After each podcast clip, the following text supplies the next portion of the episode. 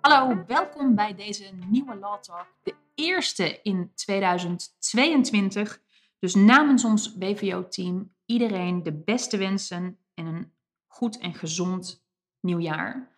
Um, wij beginnen vandaag uh, voor het eerst met z'n drieën. Normaal nemen we de Law met z'n, met z'n tweeën, maar vandaag zijn we met z'n, uh, met z'n drieën. Mijn naam is Patricia Wijmans en ik zit hier met mijn collega's Annemarie Bussen. Welkom Hallo. Annemarie. En uh, Pascal Willems. Hallo.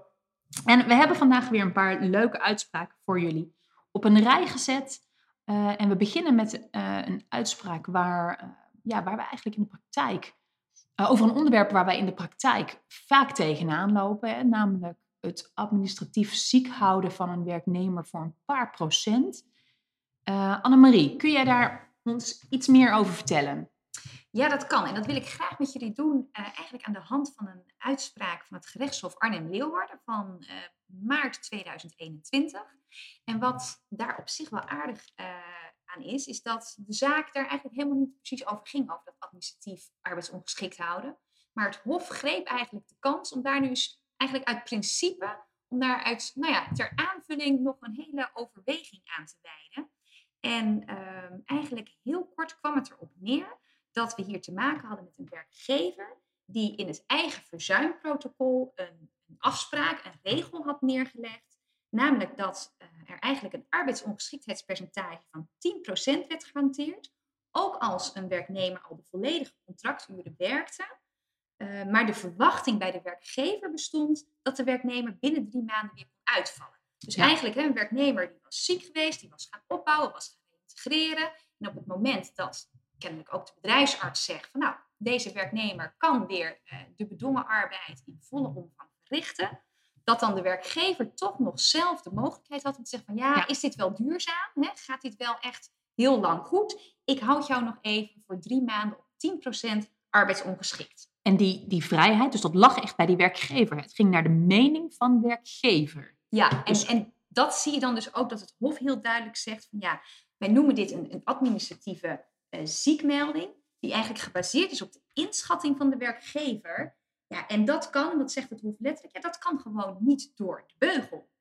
Alleen wat je vervolgens ziet, is dat deze uitspraak ook wel gepubliceerd is. En dan wordt er gezegd, ja, het is evident dat administratief ziek, of ziek houden, dat kan helemaal niet, want je bent ziek of je bent niet ziek. Ja. Maar wat dan vergeten wordt, is dat het Hof zegt van ja, zo'n inschatting van de werkgever, dat kan niet, dat kan niet de beugel, zonder deugdelijke medische gronden. Precies, precies. Dus wat wij zien is dat er behoorlijk ongenuanceerd wordt geconcludeerd op basis van deze uh, uitspraak. Maar dat dat wel, nou ja, dat ligt gewoon iets genuanceerder. Ja, de, het Hof koppelt het gewoon heel erg duidelijk dus aan. Als er dus wel deugdelijke medische gronden zijn, dan zou het dus wel kunnen. En dat is dan wel aardig, want dan heb ik hè, even een, een stapje terug in de tijd. In 2011 is er namelijk door de kantonrechter Lelystad ook al een soort gelijke uitspraak gedaan. Daar werd een werknemer voor 1%, die werd hè, ja. wel gedurende drie maanden werd hij voor 1% administratief als arbeidsongeschikt uh, opgenomen in de boeken. En waarom deed de werkgever dat? Omdat de bedrijfsarts had gezegd, die had het geadviseerd, hè, hou hem maar voorlopig voor 1 of enkele procent arbeidsongeschikt, om zo te onderzoeken of hij inderdaad probleemloos zijn werk kan verrichten.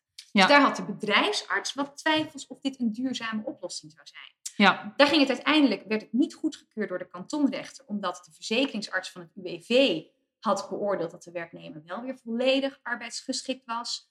Plus het duurde te lang. Hè? De, de werkgever had deze situatie te lang aangehouden. Ja. En uh, ja, dan, dan is het dus wel aardig dat je ook daar weer echt wel een rumoer zag. Van ja, wat, wat, wat moeten we hier nu mee? Mag dit dan nooit? Ja. Nou, volgens mij kunnen we daar echt wel een, een, een, discussie over voeren. Want het kan heel goed zijn dat iemand een klein deel van zijn taken um, niet kan verrichten. En dan ben je op grond van de wet in principe volledig ziek, tussen aanhalingstekens. Ja. Want je bent ziek of je bent niet ziek. Um, maar er wordt ook wel gezegd dat ja, als er echt een hele grote kans is of een grote mate van zekerheid dat werkhervatting binnen zeer korte tijd toch weer tot uitval zal leiden, ja, dan is er misschien nog wel sprake van ziekte, van latente ziekte.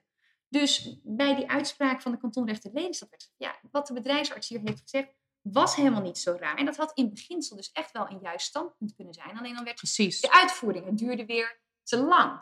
Ja. Maar wat, wat wel interessant hieraan is natuurlijk, is dat het gaat om de, de medische beperking. Dus als je ook al zegt, je bent ziek of je bent niet ziek. Dus in het arbeidsrecht is dat percentage, vinden wij eigenlijk niet interessant. Nee, voor de, je- lo- hè, voor, voor de loondoorbetalingsverplichting, welke, hè, welke grond Bijna niet, behalve dan als je eh, maar tot 70% betaald wordt en je hebt een hogere eh, loonwaarde, zou je kunnen zeggen, dan zou je daar wel naar betaald moeten worden. Maar eigenlijk in het arbeidsrecht is het alles of niks. Ja. Daar is het eigenlijk niet zo heel interessant voor. Het is natuurlijk wel interessant voor als het gaat om een inschatting van hoe zit je na het einde van de wachttijd qua arbeidsongeschiktheid. Ehm, maar wat je hier natuurlijk niet ziet, is dat je als werkgever niet op de stoel van de bedrijfsarts mag gaan zitten. Ja. Dus je mag niet bepalen, ehm, de bedrijfsarts vindt eigenlijk dat je hersteld bent, maar ik hou jou nog eventjes voor wat voor percentage dan ook ziek. Percentage maakt dan eigenlijk niet uit, Nee. eh, om zeg maar te toetsen dat in de praktijk. Wat we natuurlijk in de praktijk wel zien, is dat als er geen medische beperkingen meer zijn, maar jouw productiviteit of jouw loonwaarde is wel afgenomen, dat werkgevers daar eh, nou ja, vragen bij kunnen Ja. stellen. Want ik, ik had laatst een, een gesprek over met arbeidsdeskundigen. En als je ervan uitgaat dat iemand die gemiddeld in een functie werkt, eigenlijk tussen de 80 en 120 procent output heeft. Dan heb je dus medewerkers die zitten op 120 procent. Als dat op een gegeven moment de norm is, is dat iemand die normaal op 100 procent zit, loopt tot 20 procent achter. Achter. Als diegene iets afzakt naar 90 procent, wat op zichzelf zou je kunnen zeggen nog normale output is, hè, want niemand heeft dezelfde output, scheelt dat wel weer een kwart met iemand die hoge output heeft. Dan kan het dus zijn dat iemand eigenlijk dus niet dezelfde loonwaarde heeft, terwijl dat hij geen medische beperking heeft.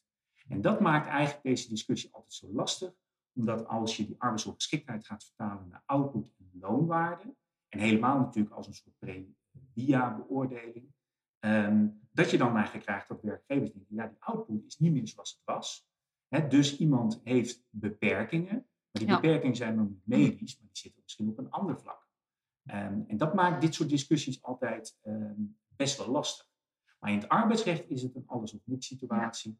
En is in de jurisprudentie denk ik wel een beetje duidelijk dat eh, als jij iemand wilt testen of die het gedurende een korte tijd test of die die belastbaarheid volledig aan kan, dan maakt het percentage eigenlijk niet uit.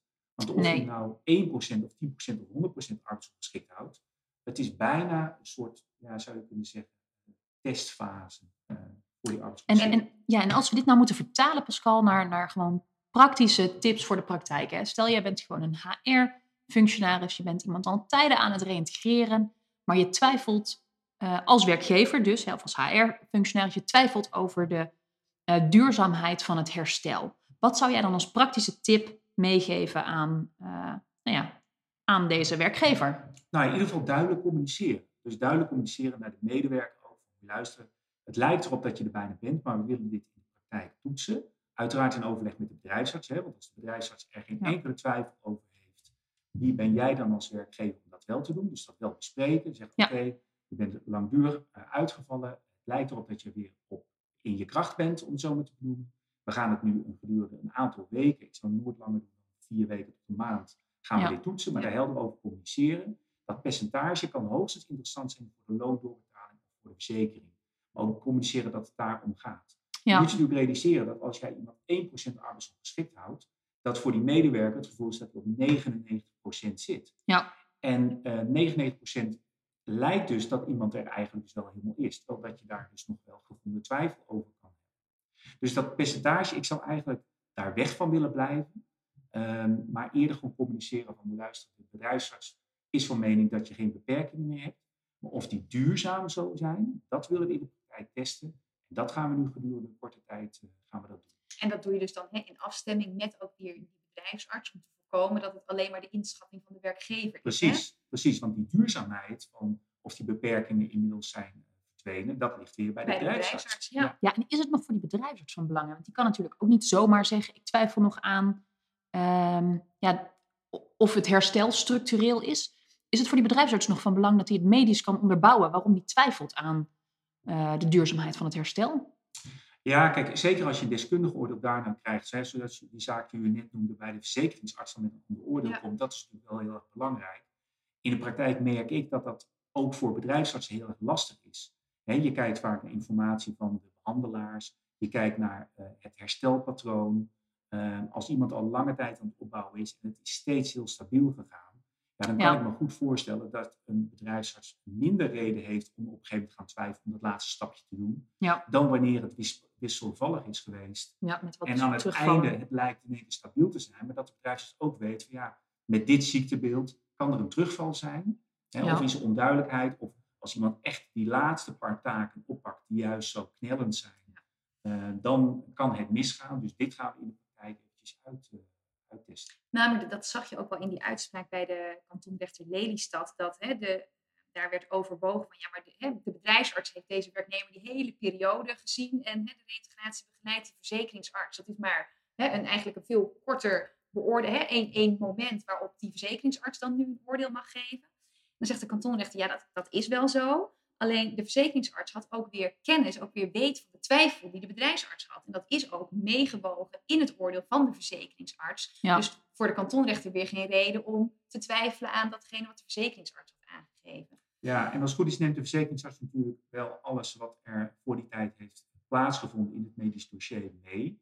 Dus ook wat de bedrijfsarts daarin heeft gezien. Dus daarna zou je kunnen zeggen, alle kennis die de bedrijfsarts heeft in die hele verzuimbegeleiding, daar neemt de verzekeringsarts ook kennis van.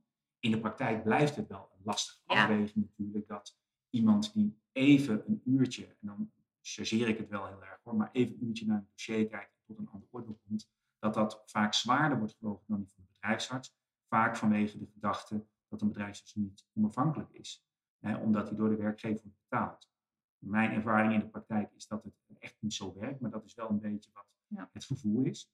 Het is denk ik wel belangrijk dat als je in zo'n situatie komt dat een verzekeringsarts met een ander oordeel komt dan de bedrijfsarts en je bent het niet mee eens, dat je wel kan gaan inzoomen in hoe het onderzoek heeft plaatsgevonden. Ja. Zowel door de verzekeringsarts als door de bedrijfsarts. Ja. En als de verzekeringsarts te kort door de bocht is geweest en niet overal kennis van heeft genomen, dan heb je denk ik een, een sterke zaak bij een kantonrechter dan wanneer bijvoorbeeld de eh, bedrijfsarts geen medische informatie heeft opgevraagd Ja. en kort door de bocht is geweest en de verzekeringsarts dat wel heeft.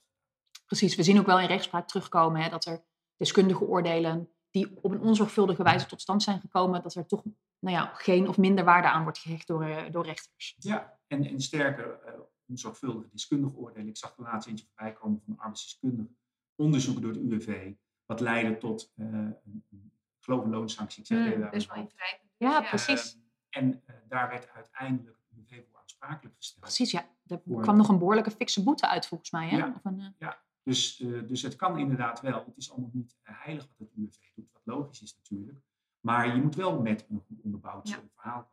Ja, ja dankjewel uh, en Annemarie voor ehm, eh, nou ja, jullie input over eh, deze kwestie. We hebben eh, nog een tweede onderwerpje op, op onze agenda staan vandaag. Gaat ook over, over reïntegratie.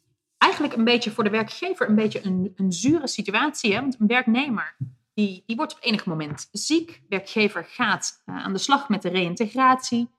Ehm, nou ja, dat duurt uiteindelijk twee jaar gebeurt van alles in die reïntegratie. Dus ik ga er niet al te ehm, nou ja, tot in detail op in. Ehm, maar waar het op neerkomt, er wordt op enig moment een arbeidsdeskundig onderzoek eh, uitgevoerd. ehm, waarin per functiegroep wordt onderzocht of, eh, of functies bij de eigen werkgever, dus in spoor 1, geschikt of passend kunnen zijn. Eh, de conclusie is dat dat niet zo is. Ehm, het UWV zegt vervolgens in een deskundige oordeel, maakt daar nog wel een opmerking over van, joh, je, moet dat niet eh, per functiegroep onderzoeken, maar je moet dat echt onderzoeken op functie- en taakniveau. Ehm, uiteindelijk eh, concludeert het UWV na twee jaar ziekte wel eh, dat de werkgever voldoende heeft gedaan aan de reïntegratieverplichtingen eh, en de werknemer wordt 100% arbeidsongeschikt beoordeeld. Werknemer die gaat dan vervolgens in bezwaar, want die vindt dat werkgever onvoldoende heeft gedaan eh, in het kader van de reïntegratie-inspanningen. En dat eh, bezwaar wordt eh, gegrond verklaard. Dus het UWV komt uiteindelijk terug op het De eigen beslissing. Precies, op die eigen beslissing dat die reïntegratie-inspanningen voldoende waren. Uh, ondertussen heeft de werkgever ontslag aangevraagd bij het UWV vanwege langdurige arbeidsongeschiktheid. Nou, die aanvraag wordt gehonoreerd en er wordt opgezegd. Mhm. Uh, werknemer is het daar niet mee eens. Die, vordert, of die verzoekt bij, uh, bij de kantonrechter herstel van de arbeidsovereenkomst. Maar de kantonrechter gaat daar niet in mee. Um, Ja, Nee, dus die zegt eigenlijk het UWV als hè, ontslaginstantie bij een verzoek wegens langdurige arbeidsongeschiktheid om de arbeidsovereenkomst op te zeggen.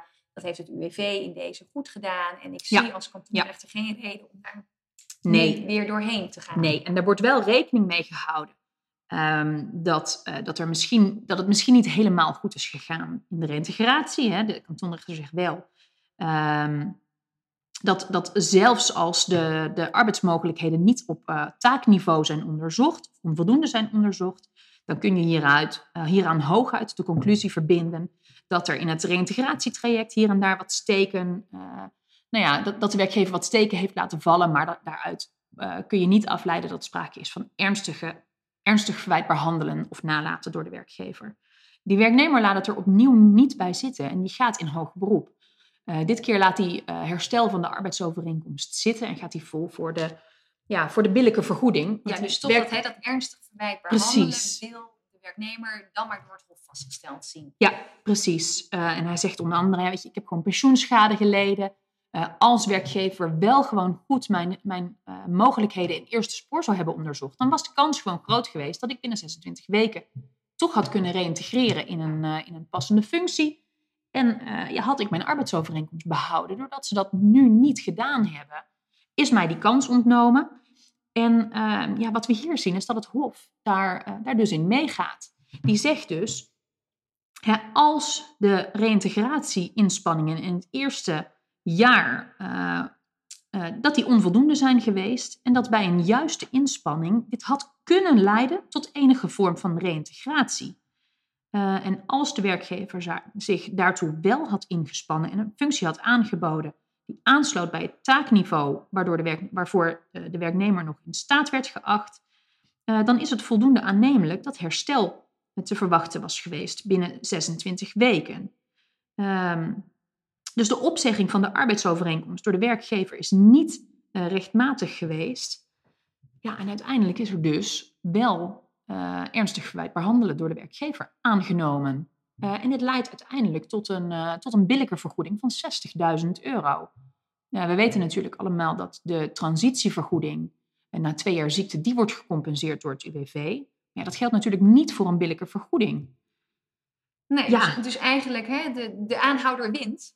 Eh, Precies. Is hier van toepassing Ja. niet voor wat, betreft de, eh, voor wat betreft de werknemer. Maar wat, wat, wat kunnen we daar nou eigenlijk van, ja, wat moeten we daarvan leren voor in de praktijk? Toch dat dat eerste spoor volgens mij niet te snel moet worden uitgesloten. Precies, precies. Ja, ik denk sowieso, dit is wel een, een best een uitzonderlijke situatie die, eh, nou ja, niet, denk ik niet heel vaak gaat voorkomen, maar ik denk wel dat het heel belangrijk is voor werkgevers om heel kritisch te zijn. En je schakelt natuurlijk een aantal specialisten in, bedrijfsarts, arbeidsdeskundige, eh, maar jij kent als werkgever je onderneming natuurlijk het beste. Dus wees in ieder geval altijd gezond kritisch naar, naar eh, dat soort deskundigen. Kijk ook goed naar, ehm, ja, naar de conclusies van die specialisten. En zeker als het UWV in een deskundige oordeel zegt, ja, er is een fout gemaakt in dat arbeidsdeskundige onderzoek, ja, dan is het wel belangrijk dat je daar even eh, aandacht voor hebt.